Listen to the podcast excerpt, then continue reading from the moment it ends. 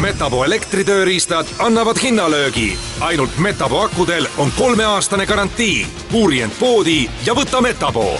Metapo hinnalöök. kuku raadios välja öeldud seisukohad ei pea ühtima Kuku raadio seisukohtadega. Te kuulate Kuku raadiot saate toob teieni kingikaubamaja hansapost.ee transport tasuta Vox Populi. nüüd on teie kord, head Kuku raadio kuulajad. koalitsiooniläbirääkimised on käimas, alles esimeses äh, etapis muidugi, aga, aga on käimas, asutatakse uut Eesti Vabariigi valitsust. meil on stuudios äh, kaitseminister Hannes Hanso Sotsiaaldemokraatlikust Erakonnast ja Riigikogu riigikaitsekomisjoni esimees Marko Mihkelson IRL-ist. Teie küsimused on neile teretulnud, telefon kuus kaks üks neli kuus neli kuus, mis on loomulikult juba helisenud, tere! ja ütleme kohe ette ära, et piirduge ainult küsimusega, mitte kommentaariga, meil on aega vähe. tere, tere, jah. et küsimus härra Mihkelsonile et tähendab, kas te olete nagu vaimselt terve inimene, ühesõnaga, et, et võtate kätte ja õhutate seda sõja, sõjahirmu inimestes niimoodi massiliselt ja massiivselt. tähendab, teie kindlameelsus on muidugi väga äh, tervitatav ja suurepärane, eks ole, aga ütleme niimoodi, et on inimesi, kes tahaks teile ikka väga, väga, väga, ütleme, pasunasse anda sõna otseses mõttes, aitäh! Ja aitäh küsimuse eest, et kohe alguses selline hea sissevaate andmise võimalus meie hetkeolukorda, mis puudutavad Eesti, puudutab Eesti julgeolekut, ma arvan, et kui üldse rääkida sellest, et kui kriitiline või vähem kriitiline on praegu rahvusvaheline julgeolekuolukord, siis ega, ega midagi ei saa salata, et viimase kolmekümne aasta jooksul võib-olla rahvusvahelises suurtes suhetes pole sedavõrd teravat olukorda, kus ei saa mingilgi viisil välistada näiteks Läänemaa, lääneriikide ja Venemaa suhete halvenemist. Ja kui me vaatame sellele, et Eesti asub äh, vaba maailma piirialal, meie naaber on riik, kes täna on okupeerinud äh, ühe viiendiku Gruusia territooriumist, on okupeerinud, annekteerinud Krimmi Ukrainast ja jätkab agressiooni Ida-Ukrainas, ja oma õhulöökidega on tapnud kümneid sadu äh, tsiviilelanikke Aleppo linnas Süürias, kes on äh, oma retoorikas, oma sõjaväeharjutuste, relvajõudude moderniseerimisega väga selgelt äh, viidanud, et äh, nende huvi on jõuliselt vastu seista lääne äh, kultuuriruumile, lääne väärtusruumile, siis arusaadav, et Eesti, kes on kõigi nende äh, ohtude piirimail peab väga tõsiselt tegelema oma iseseisva kaitsevõime arendamisega ja oma liitlaste ja partneritega tegema kõik selleks, et ükski võimalik ohustsenaarium, ka sõjastsenaarium, mis äh, meie puhul lõpuni välistada loomulikult ei saa, et seda kunagi ei juhtuks ja oleks erakordselt äh, äh, lühinägelik korrata seda, mis äh, võib-olla Eesti valitsus tegi kolmekümnendate aastate lõpus, eriti kolmekümne üheksandal, neljakümnendal aastal, kus loodeti toona neutraalse riigina võimalikult äh, vähe rääkida nendest ohtudest, mis äh, Eestit võinuks tabada, see ei hoidnud ära katastroofi. täna ei kutsu ma üles kindlasti mitte äh, just nimelt, nagu siin küsimuses kõlas, õhutama mingeid ohutundeid, vastupidi, me peame kõik tajuma, et tegelikult Eestil on täna selles keerulises maailmas parim kaits-, kaitse, mis üleüldse öö, saab öö, olla, meie, meie liikmelisusega NATO-s, kui ka selle läbi, mida me oleme iseseisvalt tegelikult panustanud. Ja valitsus, mis on moodustamisel, nagu ka esimeses pooltunnis sai räägitud, just nimelt on väga selgelt rõhutanud ka jätkuvat äh, intensiivset tööd oma iseseisva kaitsevõime tugevdamisel. ja väikese diagnoosivõimaluse saab ka Hannes Hanso. jah, aitäh. Kuulajale tahaks öelda seda ja teistele raadiokuulajatele ka, et ähm, selles ametis, kus äh, meie oleme, peame me tegelema maailmaga nii, nagu ta on. me oleme, elame maailmas, mis on ümbritsetud faktidest. kas need faktid meile meeldivad või ei meeldi, on teisejärguline me ei ela maailmas, kus me sooviksime elada ilmtingimata. seetõttu meie töö on reageerida faktidele. Neid fakte siin juba nimetati, jah, Venemaa on olnud agressiivne riik oma naabrite vastu, ma ei tea, kes seda saab eitada või mismoodi saaks eitada, vaadake fakte. Kogu selle režiimi, üle idapiiri režiimi selline opereerimis- või toimimisloogika on see, et nad on üles ehitatud, üles ehitanud oma suhted vastandumisele ülejäänud maailmaga, noh, lihtsalt küsige endalt, kui palju sõpru Venemaal täna nagu päris sõpru järgi on üldse, vaadake naabreid, vaadake laiemalt. mina mõtlen Eesti Vabariigi kaitseministrina, ma võin kümneid sõbralikke riike kohe üles lugeda praegu. Venemaa on ennast täiesti võõrkehaks mänginud, sellepärast et faktid on sellised. on asju, mida rahvusvaheline kogukond ei saa, ei tohi aktsepteerida, see on väga väärtuspõhine. kui üks suurem riik hakkab hammustama tükke väiksemate küljest lihtsalt sellepärast, et ta saab või võib, et tal käib jäks üle noh, siis me oleme tagasi mingisuguses džungli äh, perioodis, eks, rahvusvahelistes suhetes, niimoodi ei saa jätkata, siis väikeste, väikeriikidel kui sellistel, neil pole üldse mingisugust tuleviku äh, väljavaadet või garantiid. ja kui see muutub normiks rahvusvaheliselt, väga lihtne, me peame reageerima. ja no meenutagem ka, et, et äh, kui öeldakse mingi sõja õhutamine või kahe tuhande kümnendal aastal näiteks, lugege neid NATO deklaratsioone, mis on tippkohtumistel vastu võetud, Venemaa oli strateegiline partner. Tõesti lo-, loodeti, et saab ratsionaalselt selle riigiga asju ajada, me rääkisime alles mitte ammu tagasi viisavabaduse andmisest Venemaale. mis täna sellest saanud on, Venemaa on teinud absoluutselt kõik selleks, et oma suhted lääneriikidega, naabritega tuksi keerata äh, kindlasti, ja meie peame sellele reageerima. see, et NATO liitlased siia tulevad, me tõesti ehitame üles omaenda kaitsejõudusid ja heidutust, sellega koos see on lihtsalt vastutustundlik ja inimeste käitumine, mitte mingi sõja õhutamine, aitäh! telefon kuus kaks üks neli kuus neli kuus, järgmist helistajat. tere, kuuleme teid! Härrased militaristid Anso ja Mihkelson, kas teile ei tundu, et Venemaaga hirmutamine jääb möödanikku? ja kui praegust on Ameerika presidendiks Trump, kes suudab Putiniga kokku leppida eh, mõjutsoonide jagamises ja kui ükskord taastatakse Nõukogude Liit, siis teie raha pildumine sõjandussfääri on kuritegu ühiskonna ees. aitäh, see juba läks kommentaariks kätte, ma pakun välja, et sellele küsimusele just äsja vastati. just äsja vastati täpselt just sellele samale küsimusele. nii et ootame järgmist helistajat, kuus kaks üks neli kuus neli kuus ja tervist! tervist! nagu näha, on Kremli pasunud juba, pasunad juba hüüdnud, eks ole.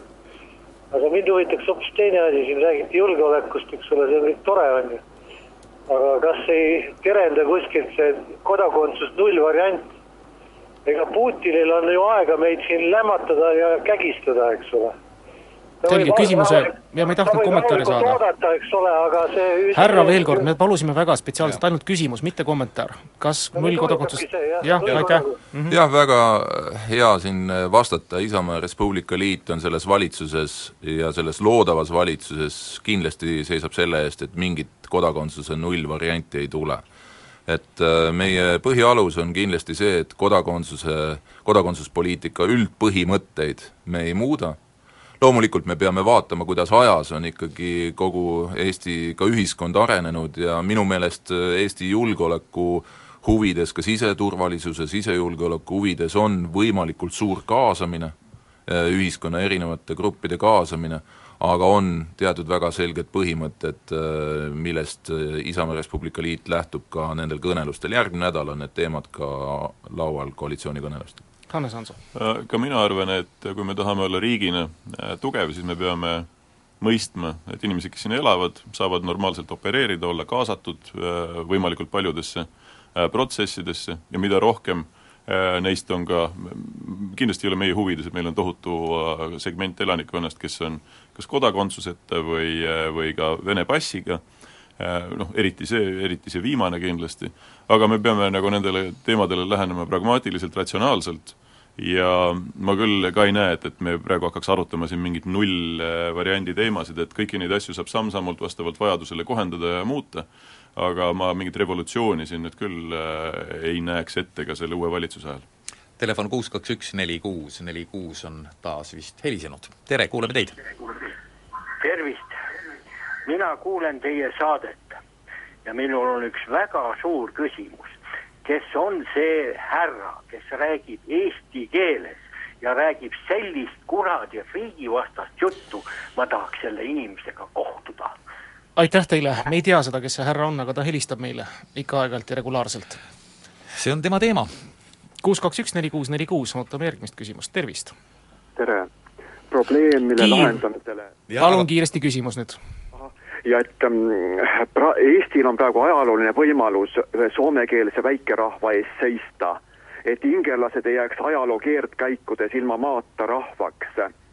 ja ma tahaksin vot lahendust sellele kuidagimoodi leida, et vähemalt ingelaste asuala läänepoolne serv ehk Maariba Narva jõe idakaldal, mis jääb Tartu rahulepingu piiridesse, on praegu veel võimalus säilinud, et rahvusvahelise õiguse kaasabil saaks tulevikus ingerlaste täieõiguslikuks koduks. ja kuidas teie sellesse suhtuksite, et kas lahenduse leidmiseks esimeseks sammuks võiks olla Euroopa tasemel rahvusvahelise konverentsi korraldamine?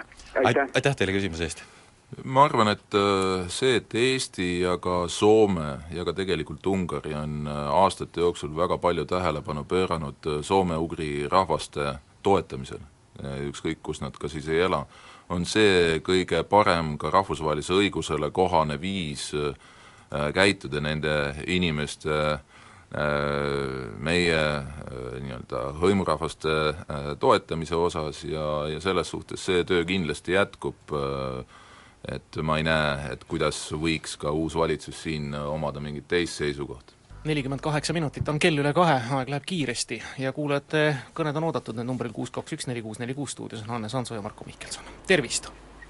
tere! Teie küsimus, mul on küsimus Marko Mihkelsonile, et äh, nii Marko Mihkelson kui ka Jüri Ratas on rääkinud, et on vaja toetada ja äh, tugevdada Eesti välisteenistust ja Eesti diplomaatiat ja saatkondi, et mida konkreetsemalt silmas peavad, võib-olla võiks kommenteerida, aitäh!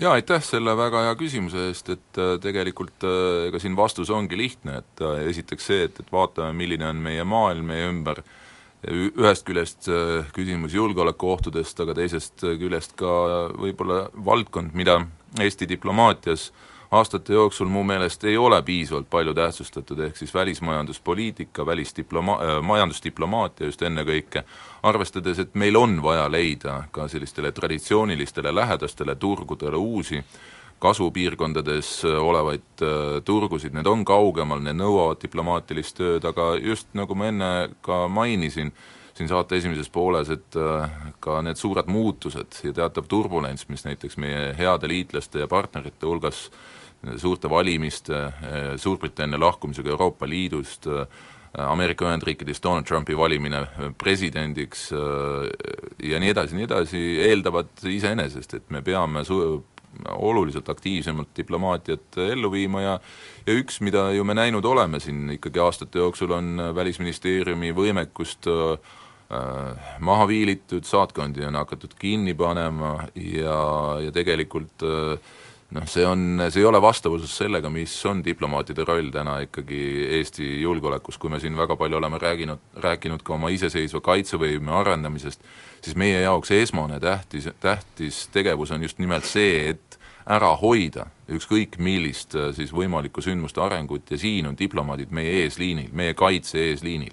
ja seetõttu kolm erakonda leppisid kokku, et järgmisel nädalal, kui siis äh, ka on äh, lõplikult otsustamisel äh, investeeringute nii-öelda kava, et kuidas siis uude otsust, uutesse otsustesse, millised ressursid jagatakse, siis ma loodan, et ka juba tuleva nädala algul on meil täpsem ülevaade sellest, millised on konkreetsed numbrid, mida me saaksime eeldatavalt just nimelt Välisministeeriumi tegevuskuludesse lisada.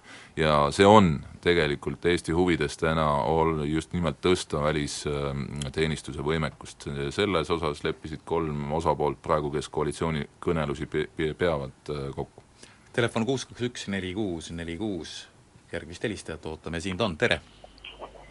tere päevast, mul on küsimus kaitseministrile tähendab, küsimus selline, et te peaksite ka näitama kaitseministrina head tahet üles selleks heanaaberlikeks suhtlemiseks. ja selleks on esimene asi, on külmutada sõjaväebaasi ehitamine Tapal ja peatada need ühesõnaga välissõdurite, palgasõdurite sissetoomine. see oleks hea näide antud olukorras, keerulises, keerulises olukorras maailmas. et ka mitte ainult jaa, kas see oli küsimus nüüd või? see oli küsimus ilmselt, jah, aitäh! jaa, aitäh! Um, ei, kindlasti me ei külmuta Tapal äh,, Tapa esimese jalaväebrigaadi ehitust, vastupidi, me peame süsteemselt töötama selle nimel äh,, et äh, ka võimaliku vaenlase jaoks mis me siin ikka hämame Venemaa jaoks, oleks hästi selge, et igal juhul Eesti riik ükskõik mis tingimustel nii ise kui ka oma liitlastega seisab võimaliku äh, agressiooni vastu, me peame väga palju investeerima selleks nii tehnikasse kui ka taristusse, et meie riigi kaitse, mida me oleme paarkümmend aastat juba noh, ma ütleks väga väärikalt üles ehitanud, selle kaitse ülesehitamine jätkuks ja noh, kui me ka siin ennem oleme korra peatunud sellele, et me peame tegelema faktidega, siis no üks fakt lihtsalt on ka heale küsijale, et sel ajal, kui kogu Euroopa, NATO, kõik kärpisid oma kaitsekulutusi, äh, üheksakümnendate lõpus, kahe tuhandendate alguses kindlasti, kui kõik lootsid, et maailm oli muutunud, et Venemaa oma väikeste vimkadega võib-olla, aga siiski on noh, normaalne pragmaatiline riik, millega on võimalik konstruktiivselt asju ajada. mida tegi Venemaa?